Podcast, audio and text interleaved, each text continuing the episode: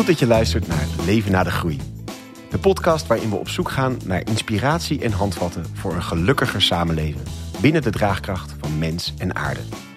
Maandelijks ga ik, Allard Amelink, in gesprek met Paul Schenneling, een van de oprichters van Just Enough en auteur van het boek Er is leven na de groei.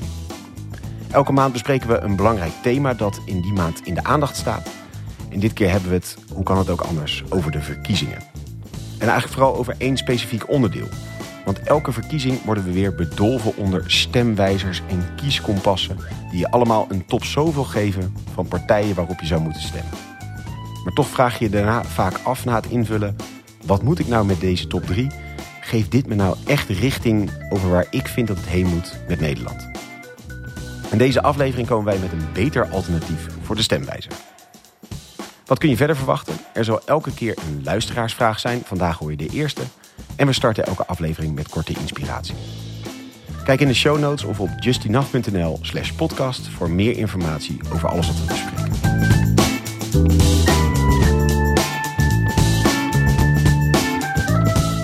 En Paul, vandaag de eerste aflevering. Ja, heel leuk. Ik ben in talloze podcasts gast geweest. En dat we dan nu eindelijk onze eigen podcast beginnen. Ik vind het echt heel tof. Ja, en je krijgt gelijk ook een mooie eh, rode loper. Want je mag als eerste steeds vertellen wat jou geïnspireerd heeft in de afgelopen tijd. ja, dat is ook leuk. Ja. Nou, ik had eh, eind oktober, ik, ik hou natuurlijk het nieuws heel goed bij. Maar eind oktober zat er echt een nieuwtje bij waar ik echt blij van werd. Ik eh, las namelijk dat er een nationale klimaatraadpleging is geweest. Dat is echt een enorme enquête onder 11.000 Nederlanders. En die uit alle bevolkingsgroepen ook. Dus een representatieve enquête. Waaruit blijkt dat 80% van de Nederlanders er voorstander van is dat we vervuilende vormen van consumptie uh, zodanig gaan beprijzen dat de consumptie daarvan met wel 25% afneemt. 80%?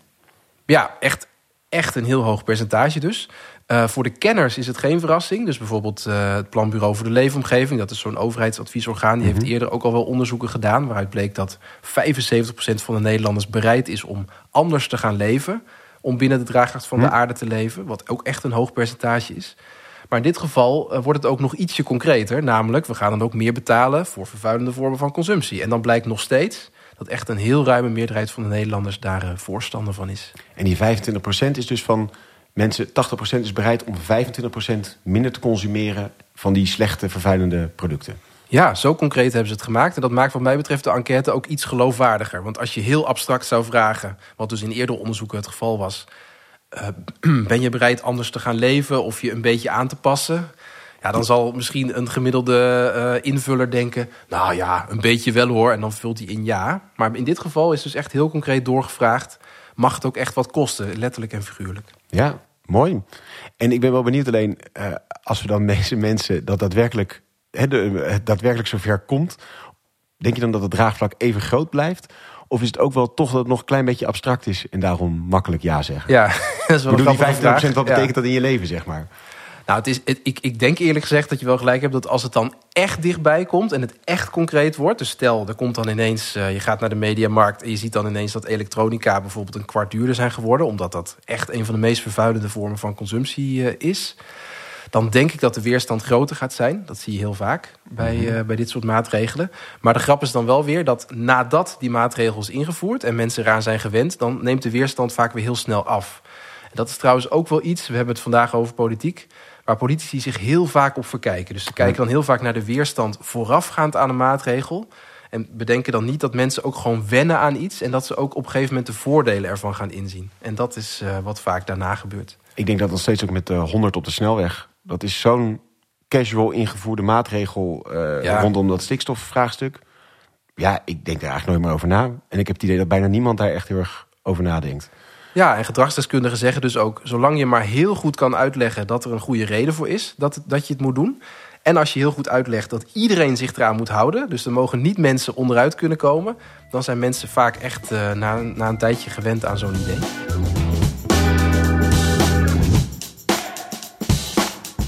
Gaan naar het onderwerp dat deze aflevering centraal staat, de verkiezingen. Ik zei het net al inderdaad, stemwijzers, kieskompassen, stemmentrekkers. Je hebt een enorme reeks aan stemtools om je keuze op te bepalen.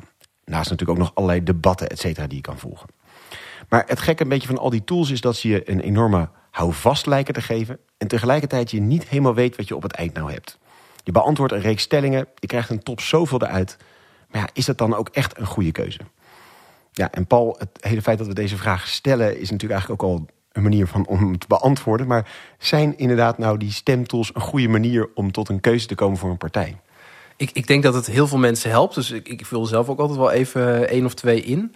En uiteindelijk bij dit onderwerp, waar ik dan nu, omdat ik me zoveel erin heb verdiept, heel veel meer van af weet, was ik wel teleurgesteld over de vragen die je, die je over het onderwerp klimaat, economie, uh, circulaire economie krijgt. En hoeveel dat nou echt zegt over wat een partij echt van plan is en of het echt zoden aan de dijk uh, zet. Want waarom zegt dat niet veel? Want op zich, kijk, het is natuurlijk heel erg, uh, ben je voor of tegen? Je kunt kritiek hebben op dat het misschien een beetje binair is. Maar aan zich is toch wel dat duidelijk van, nou, ik wil een vliegtax of geen vliegtax. Dat geeft op zich wel richting, toch? Dat is zeker waar. Maar er hangt natuurlijk iets heel groots boven de markt, boven de aarde zou je bijna kunnen zeggen. Namelijk, we hebben van de negen kernprocessen die het leven op aarde mogelijk maken, hebben we de veerkracht van zes van de negen kernprocessen nu al overschreden. Dus wat eigenlijk de vraag zou zijn die overal centraal staat, ook in de stemwijzers, is: doen we genoeg of doet deze politieke partij genoeg om zo snel mogelijk weer binnen de draagkracht van de aarde te komen? En als je een stemwijzer opdeelt in allemaal subonderwerpen en je stelt er allemaal vragen over, dan weet je aan het eind, nadat je hem hebt ingevuld, weet je als uh, kiezer nog steeds niet. Ja, maar de partij die nu hoog komt in mijn lijstje, doet die nou echt genoeg? Of te weinig? En omdat het een vraag is die voor heel veel mensen gaat over een gelukkige toekomst of een ongelukkige toekomst, is dat wel echt eentje die je, wat mij betreft, beter zou moeten beantwoorden. Straks door over die stemwijzer. Eerst even nog over die, die processen van de aarde waar we de, de, de grens hebben bereikt. Kun je die nog heel kort even noemen? Van welke zes zitten we al over de grenzen heen? Bijvoorbeeld de zes waar we overheen zijn op dit moment zijn klimaat en biodiversiteit, uh, de zoetwatercyclus, dus de regencyclus en het grondwaterpeil op heel veel plekken in de wereld. Dat zijn voorbeelden van planetaire grenzen, zoals het dan heet, die we hebben overschreden. En uh, anders dan in 1972, toen we nog ja, een soort voorspelling hadden: we gaan de draagkracht van de aarde overschrijden, zitten we nu dus al in de situatie dat we de draagkracht van de aarde al hebben overschreden. En waarom is dat nou zo zorgwekkend? Want ik kan me ook voorstellen dat je denkt, beetje abstract, een, een grens overschrijden. Nou, waarom het een heel groot probleem is, is dat het bijna altijd onomkeerbaar is. Dat geldt bijvoorbeeld voor klimaat. Dus je kunt bepaalde tipping points overgaan, waardoor je eigenlijk de schade die je veroorzaakt bijna niet meer kunt terugdraaien. Bij de biodiversiteit, als er soorten verloren gaat, kun je bijna niet meer terugdraaien. Het grondwaterpeil, als je dat nou eenmaal grotendeels opmaakt, ja, het duurt echt heel erg lang voordat het grondwaterpeil dan ooit weer terug is. En op sommige plekken zal het misschien wel nooit meer zo terugkomen. Dus ja, het zijn allemaal onomkeerbare processen. Vandaar dat het ook nu zo ontzettend urgent is. We moeten nu heel snel binnen de draagkracht van de aarde gaan leven. En als je dan kijkt naar, naar die stemwijze, nou goed, en misschien is die stemwijze is natuurlijk maar een, een topje van de ijsberg van het hele verkiezingsspectrum. Ja. Zie je dat deze thema's voldoende aanwezig zijn bij partijen, dat deze top of mind zijn? Of is het allemaal nog een beetje toch een van de onderwerpen, in plaats van, van hoe jij hem schetst, als het cruciale onderwerp waarmee we aan de slag moeten? Nou, als ik, als, stel dat ik het als een glas water zie, en, uh, dan, dan zie ik wel echt dat het glas zich snel vult. Uh, het, is nog, het is echt nog lang niet vol, helaas. Vooral op het terrein van de maatregelen, van wat er echt nodig is om binnen de draagkracht van de aarde te komen. Dat is echt nog bij lange na niet genoeg. Maar als je gewoon alleen al heel kort in de tijd teruggaat, dus je gaat vier jaar terug, wat relatief kort is, en je kijkt dan nu bij de verschillende partijen hoeveel meer dit onderwerp on top of mind is gekomen, aan de top van de agenda's is gekomen, ja, dat gaat echt wel heel snel. En daarbij zie je ook gewoon dat partijen die eerst nog best wel ambivalent tegenover stonden, ook partijen als CDA en VVD, die ook echt heel hard aan het bewegen zijn in de richting van uh, een echte klimaatagenda. Ja, dus in die zin zie je de, de trend de goede kant op gaan. Ja. Als we dan naar het speelveld kijken, zeg maar, wat is dan een goede manier om de vraag te beantwoorden van welke partij is, is er goed mee bezig en welke partij niet? Maar. Wat is een goed onderscheidend criterium? Want laat ik voor mezelf spreken, ik zie een enorm spectrum aan maatregelen. Bijvoorbeeld ook even terug naar die stemwijzer. CO2-opslag. Vind ik een heel te- technische vraag. Moet Ja. ik daar nou voor zijn of niet voor zijn? Ja. En het gekke is dat ik zie bijvoorbeeld dat zowel Partij voor de Dieren is tegen CO2-opslag als Forum en Ja 21. Nou, kan ik me voorstellen dat het bij die laatste twee is, omdat ze het hele thema klimaat gewoon niet belangrijk vinden. Maar Ja. Partij voor de Dieren is ook tegen. GroenLinks is dan weer voor. Hoe, hoe moet ik naar zo'n onderwerp kijken? Ik vind dat heel verwarrend, zeg maar. Dus kun jij mij, mij en luisteraars een richting geven van hoe kan Ja. ik goed naar die programma's kijken? Of- Het is inderdaad echt super complex. En als je inderdaad per maatregel gaat kijken, kun je inderdaad al zelfs op één zo'n deelonderwerp je al compleet verliezen in de complexiteit. Want inderdaad, bij bijvoorbeeld CO2-opslag zit de complexiteit er heel erg in dat partijen helemaal aan de linkerkant van het spectrum zien het als een excuus. als een soort aflaat van dan kun je lekker blijven uitstoten. Mm. Daardoor hoeft de Ja. industrie nooit echt te veranderen. En inderdaad, partijen rechts van het spectrum die zien het misschien als totaal nutteloos. Want klimaat is toch niet zo'n groot probleem. We moeten ons alleen maar aanpassen. En dan heb je Ja. inderdaad het ja 21 eh, standpunt. Dus het is best wel lastig inderdaad om te beoordelen. Ja, maar wat betekent het nou als ik dit invul? Nog los van de vraag, eerlijk gezegd. Dat ik twee maanden geleden ook niet zo heel erg een standpunt had over CO2-opslag. Ik had het toevallig, was een keer te gast bij Natuur en Milieu, mocht ik daar een presentatie geven. En zei de directeur van Natuur en Milieu tegen mij: Ik ben tegen CO2-opslag. En toen heb ik even doorgevraagd en kwam ik erachter. Maar goed, het lijkt me eerlijk gezegd als kiezer best ingewikkeld om dat in te vullen. En ik heb ook zitten nadenken: kun je dit nou simpeler maken zonder dat je het vraagstuk te plat slaat? Ja. Want dat zou ook weer zonde zijn natuurlijk. En ik kom eigenlijk uit op een toch wel best wel simpele eh, weergave van het probleem. Namelijk in de vorm van een spectrum. En stel, we doen dat spectrum. eh, we noemen het niet links en rechts, want het gaat in feite niet over een politiek spectrum. Ben je links of rechts? Maar het gaat over een spectrum met aan het ene uiterste ehm, dat we gaan proberen zo snel mogelijk, kosten wat het kost. Dus even ook hoeveel miljard euro het ook kost, of hoeveel eh, weerstand het in de samenleving ook kost. Zo snel mogelijk binnen de draagkracht van de aarde leven. Laten we zeggen dat dat het ene uiterste is. Dus we zetten echt alles op alles daarvoor. Dan heb je daartussenin heel veel verschillende opties. Die ga ik nu nog niet zeggen. En dan kom je helemaal aan het andere eind van het spectrum. En dan kom je uit bij de vraag... we willen eigenlijk, kosten wat het kost, de sociale stabiliteit... en eh, we willen kosten wat het kost... iedereen zo goed mogelijk meenemen in het veranderproces. Dus elk individueel bedrijf... elke individuele burger willen we zo goed mogelijk faciliteren... en helpen en uitleggen met hele graduele maatregelen. Bijvoorbeeld, we gaan elektronica beprijzen, maar we beginnen met 1 euro per product en dan gaan we naar 10 of naar 20 en we gaan het heel langzaam uitfaseren. Nou, dat zijn een beetje de twee uitersten. In het ene geval eh, kom je snel binnen de draagkracht van de aarde, maar dat heb ik helaas net niet bijgezegd. Dat is wel echt ja, in belangrijke mate ook sociaal ontwrichtend. Omdat je daarmee dus echt zo'n snelheid moet hanteren. Je kunt het je al een beetje voorstellen dat je daarmee gewoon ook heel veel mensen gaat verliezen en bedrijven gaat verliezen. Zowel psychologisch ga je ze verliezen, denk ik, maar misschien zelfs ook wel gewoon echt. Dus bijvoorbeeld als je ehm, heel snel de CO2-uitstoot in Nederland naar beneden zou brengen, ja, misschien verlies je dan wel een groot deel van de landbouw. En misschien verlies je daarmee ook, ja trouwens, dat is al volgens mij min of meer gebeurd, een groot deel van de, de harten van de mensen die op het platteland wonen, die zich dan misschien permanent tegen klimaatbeleid zullen keren. Dus dat is een beetje Ja. het ene uiterste van je komt zeg maar. Maar, en je raakt, raakt denk ik ook kwijt in gewoon ja, absolute zin. Stel je gaat net helemaal in het extreme zitten. Weet ik veel, je gaat naar eh, energielockdowns eh, toe. Dat is ook ja, maatschappelijk ook enorm ontwrichtend natuurlijk. Dan Ja, het is echt. gaat het leven echt helemaal op zijn kop, zeg maar. Ja, je verliest echt dingen. En je verliest waarschijnlijk ook echt welvaart, eh, koopkracht. Eh, je verliest banen, heel waarschijnlijk. Omdat je gewoon niet alle banen overeind kunt houden als je heel snel een transitie doorvoert. Dus je moet je voorstellen bij een transitie, en dat is, daar hou ik me nu dagelijks mee bezig, ook bij ministeries. Dat als je datgene wat je niet meer wil kleiner maakt, dus afschaalt, dan kun je bijna niet in dezelfde snelheid ook het nieuwe wat je wel graag wil opschalen. Er zit altijd een beetje tijdverlies tussen. Dus als je een transitie heel snel doet, ja, iets, iets stoppen of, of helemaal niet meer doen is makkelijk gezegd. Maar daarna iets Het volledig circulairs ja. opnieuw opbouwen. Of eh, nou, letterlijk ook zo, zo, zo simpel gez- gezegd als we gaan nu alle energie groen opwekken. Ja, dat is een enorme logistieke operatie. Daar gaat gewoon echt tijd overheen voordat je dat allemaal hebt opgebouwd. Dus als je dat heel snel wil doen, ja, dan verlies je onherroepelijk banen.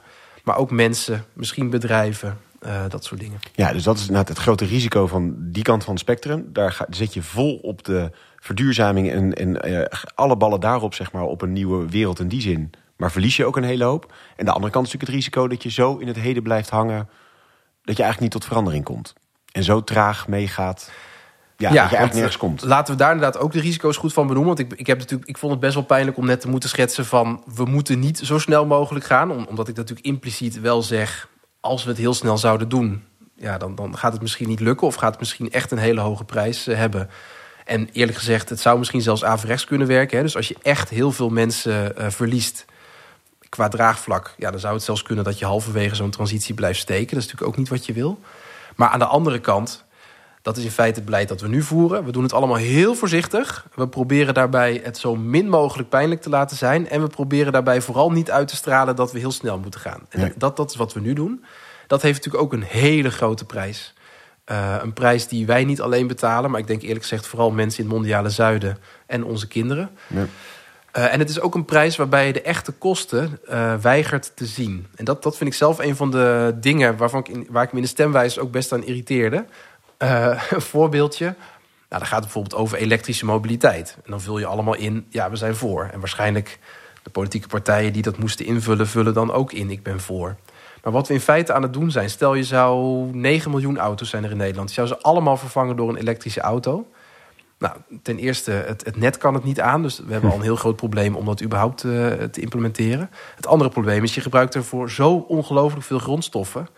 dat we waarschijnlijk hetzelfde gaan creëren als nu met de energiecrisis. Dus bij de energiecrisis hebben we alle natural gas, uh, dus uh, alle gas opgekocht. Waardoor ze in Bangladesh het licht uit moesten doen. Hm. Nou, dat gaan we waarschijnlijk dan met mobiliteit ook doen. We kopen gewoon alle grondstoffen die je daarvoor nodig hebt op. Zodat ze straks in Bangladesh niet elektrisch kunnen rijden. Snap je? Dus we, het is weer heel erg een ouderwetse benadering.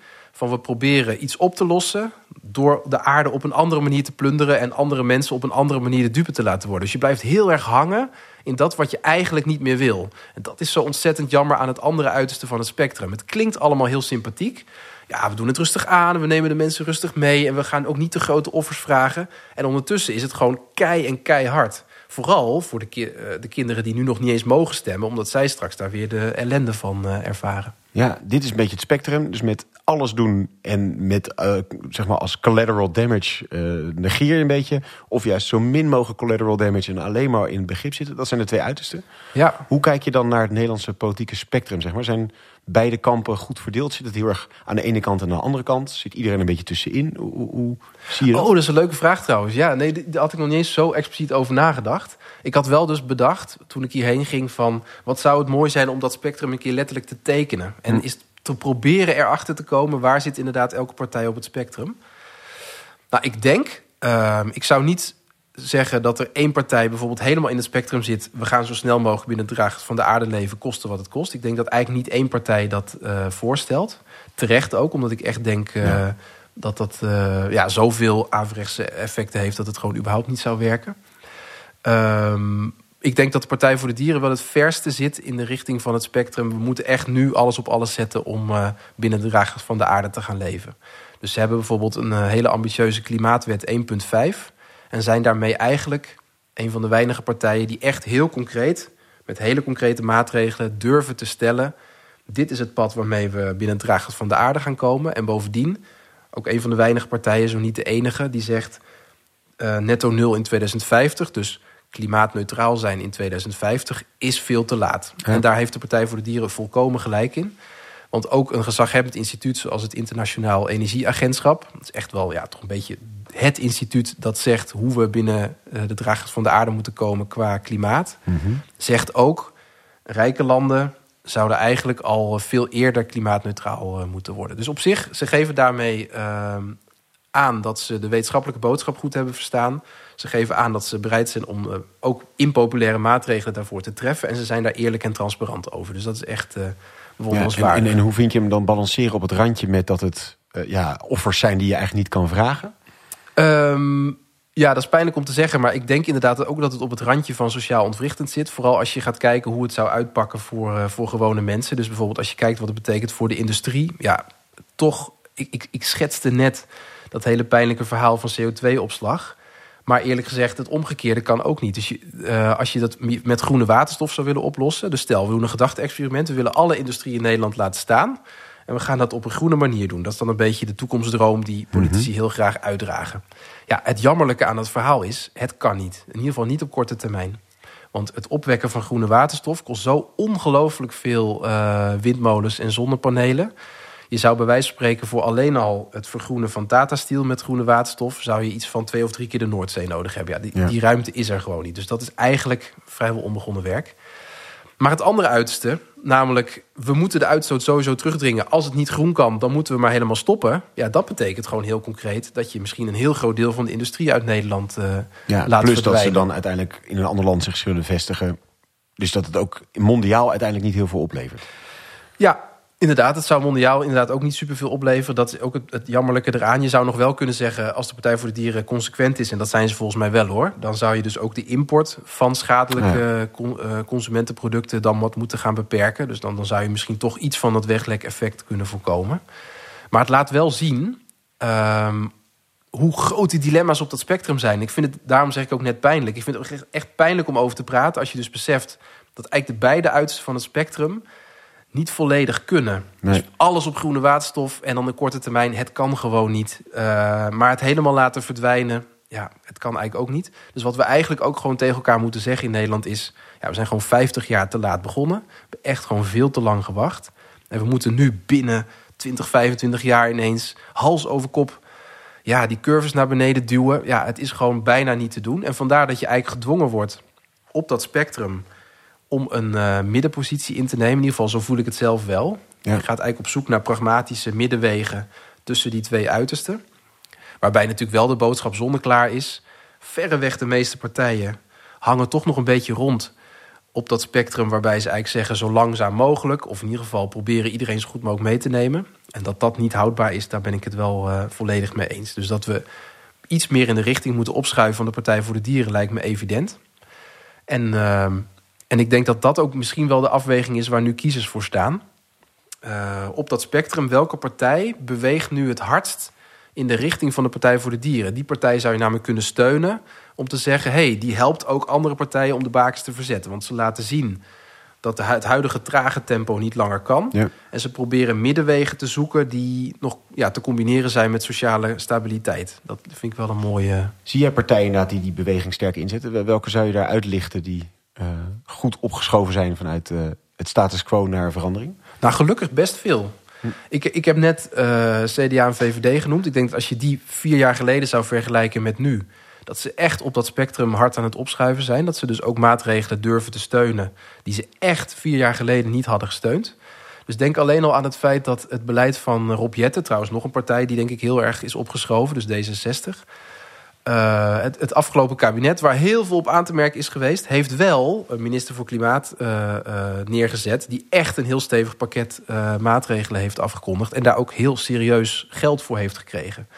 En daar hebben CDA en VVD mee ingestemd. Misschien niet helemaal van harte, maar dat ze er überhaupt mee hebben ingestemd. laat al een beetje zien dat ook zij de urgentie steeds meer zien. Ik zie verder de. Nou, D66 heb ik genoemd. Ik zie de ChristenUnie heel hard opschuiven op het spectrum. En wat ik interessant vind aan het voorbeeld van de ChristenUnie is dat ze behalve maatregelen ook proberen het discours een beetje te veranderen. En dat vond ik echt heel interessant. Wat bedoel je daarmee? Um, het discours veranderen? Ja, het discours is hoe we praten over het vraagstuk. En ik vind dat de ChristenUnie daar het meest interessante voorbeeld in is. Uh, Gert-Jan Segers begon ermee. Dat was uh, uit mijn hoofd gezegd anderhalf jaar geleden bij de Algemene Politieke Beschouwingen. Toen heeft hij gezegd: uh, laten we het eerlijke verhaal vertellen. Ehm, meer, meer, meer kan niet meer. We moeten toe naar genieten van genoeg. Toen nam op een gegeven moment Mirjam Bikker het stokje over van Gert-Jan Segers. En zij schreef een brief aan Nederland. Waarin ze dat eigenlijk meteen herhaalde. Waarmee hm. ze ook echt onderstreepte dat narratief. We moeten ook nu realistisch zijn. Als we snel binnen het draagt van de aarde willen leven. dan kunnen we niet meer focussen op meer, meer, meer. Dan moeten we gaan nadenken over genieten van genoeg. En daarmee probeer je eigenlijk een middenplek op dat spectrum te vinden. We kunnen nog blijven genieten. Laten we proberen om zoveel mogelijk van wat we hebben bereikt overeind te houden. Maar laten we afstappen van het fabeltje dat het altijd maar meer, meer, meer kan blijven. Dus ik vind de ChristenUnie een mooi voorbeeld hoe ze proberen op dat spectrum te bewegen door het gesprek over dit onderwerp eigenlijk uh, te veranderen. Een partij die je nog niet noemt is Partij van de Arbeid GroenLinks. Die hebben natuurlijk met geval een lijsttrekker die heel erg vanaf klimaat vandaan komt, dat als een belangrijk thema neergezet. Hoe kijk je naar hun? Nou, dat, dat is inderdaad ook al een nieuws op zichzelf, trouwens. Best goed nieuws ook. Er zijn vier lijsttrekkers die gewoon woordvoerder klimaat... of in ieder geval heel veel van klimaat weten. Dus het zijn Jesselgus, uh, Bontebal, uh, Rob Jetten natuurlijk... en Frans Timmermans, die gewoon echt, echt baanbrekend werk heeft gedaan als eurocommissaris. Dus dat alleen al laat zien hoeveel partijen er aan het opschuiven zijn. Um, en wat de PvdA GroenLinks betreft, ja, ik denk dat zij ook zo'n middenweg zoeken... die wij ook bij het schrijven van ons boek... Er is leven naar de groei ook hebben gezocht. Laat ik dat heel concreet maken. Als je een onderscheid maakt, kijkend naar de economie, tussen de productiekant van de economie, onze fabrieken en dat wat we maken, en de consumptiekant van de economie, dat wat we allemaal consumeren, dan is een mooie middenweg, denk ik, dat we proberen het verdienvermogen van Nederland, al onze fabrieken en bedrijven, maximaal te vergroenen in een tempo dat ze net aan kunnen. Dus ambitieus, maar net haalbaar, zodat ze niet over de grens vertrekken. Ja. En we het daarna moeten gaan importeren. Dat is eigenlijk de ene kant van de oplossing, denk ik. En de andere kant van de oplossing is... kunnen we los van wat we van bedrijven vragen... veel meer doen aan het veranderen van consumptiepatronen.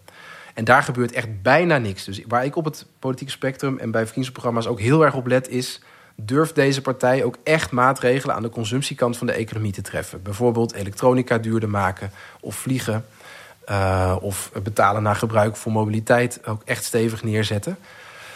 En ik denk dat die combinatie, dat zou in ieder geval intuïtief de combinatie zijn die ik zou maken als ik op dat spectrum zou moeten kiezen. Ja. Um, en ik denk daarom dat uh, een partij als PvdA GroenLinks, dat is ook een van de weinige partijen die echt in het programma durft te stellen: we moeten ook maatregelen aan de consumptiekant van de economie uh, nemen. En daarmee toont iemand als Timmermans toch weer dat leiderschap wat hij in Europa ook toonde. Namelijk um, ja, het makkelijke verhaal. We kunnen allemaal moeiteloos Ja, de transitie precies. door. Nou, dat klopt gewoon niet. We moeten allemaal ons steentje bijdragen. En wat ik dan wel sterk vind, en dat blijkt trouwens gedragskundig ook heel sterk te zijn. Vraag dan van iedereen wat. Dus Ja. vraag iets en van de bedrijven, en van consumenten, en van de overheid zelf. Dan is de kans dat mensen het steunen ook het grootst. Hoe weet jij dit allemaal, Paul? Want heb jij dan die verkiezingsprogramma's allemaal gelezen en weet je dat? En tweede vraag erbij, hoe kan ik dit allemaal weten, zeg maar? Hoe, hoe, Ja. weet je, hoe kan ik hier achter komen? Hoe kan ik daarin goed mijn keuze bepalen? Nou, ik, ik, ik, ik ben natuurlijk dagelijks mee bezig. Dus ik denk dat het inderdaad ook eh, een voorrecht is dat ik dat mag weten. En ik, ik weet het eerlijk gezegd vooral van binnenuit. Dus, eh, we hebben het boek Ergens Leven naar de Groei geschreven met 15 mensen uit 12 verschillende politieke partijen. En sindsdien ben ik ook met heel veel van die partijen in gesprek. Met de programcommissies of de wetenschappelijke instituten of de Tweede Kamerfracties. En daardoor ken ik de dilemma's ook van binnenuit. En zie ik ook van binnenuit gebeuren dat ze bijvoorbeeld opschuiven op dat spectrum. Eh, dus dat is hoe ik het weet. En ik zou eerlijk gezegd ook luisteraars vooral eh, aanraden om daarop te letten. Hm. Bij welke politicus heb je nou echt het gevoel...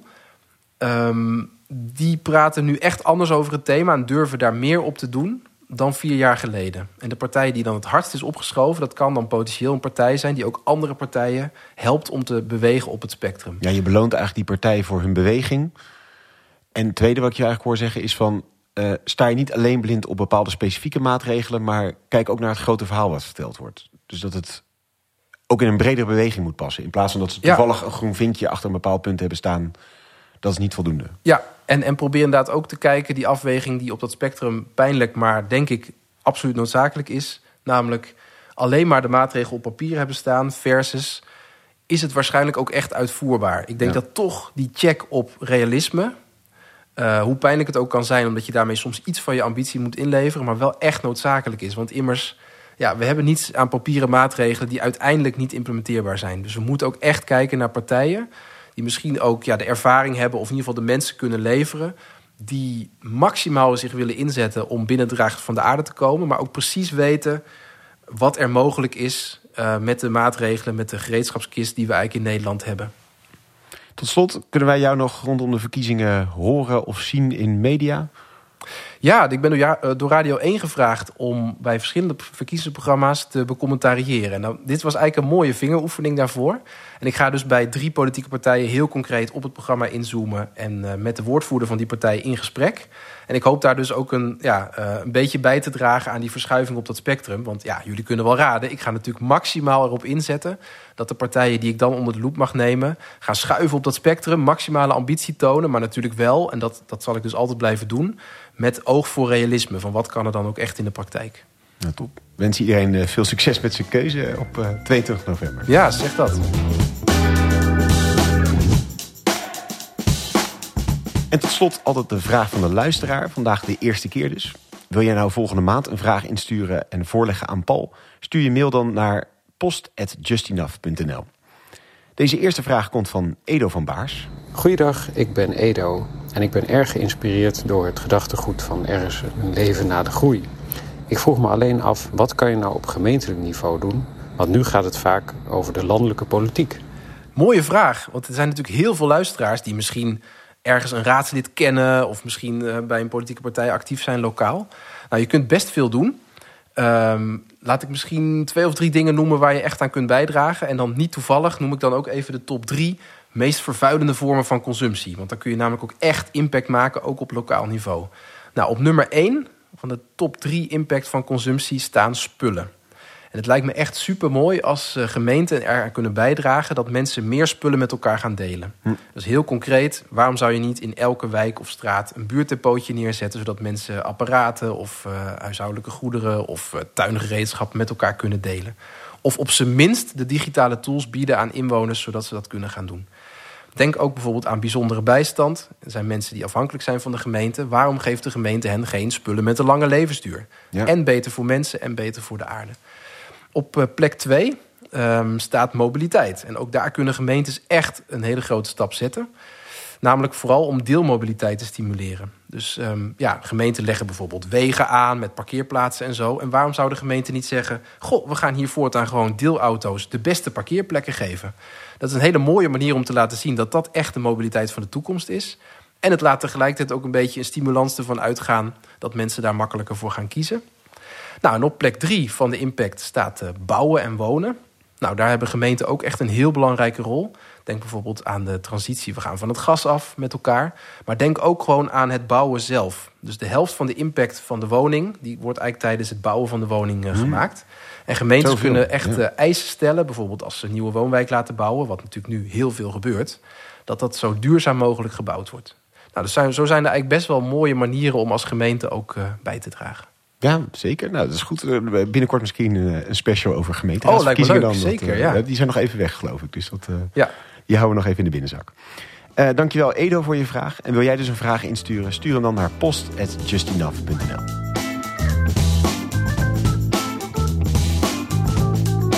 Dank Paul voor deze eerste aflevering. Graag, ik vond het heel leuk. Graag gedaan ook. Ja, nee, was zeker interessant. En volgende maand dus weer een nieuw onderwerp. Um, jij bedankt voor het luisteren. Deel deze podcast vooral met wie hem uh, ook moet horen. En uh, ja, wie ook wel wat hulp kan gebruiken bij zijn keuze op 22 november. Het leuke is, in je podcast-app vind je direct ook een volgende aflevering. Leven van genoeg, dat kan ook een beetje klinken als een verliesverhaal. Je mag niet meer vliegen, je mag geen vlees meer eten, minder, minder. Ja, en dat is misschien dus ook allemaal wel minder leuk. Nou, in de aflevering die nu klaar staat gaan we het hebben over levensvreugde. Eigenlijk de drijvende kracht achter het hele verhaal van Just Enough. Want leven van genoeg betekent niet een verlies van levensplezier, maar misschien juist wel enorme winst. Kortom, abonneer je en luister alvast die aflevering. In ieder geval heel graag tot volgende maand.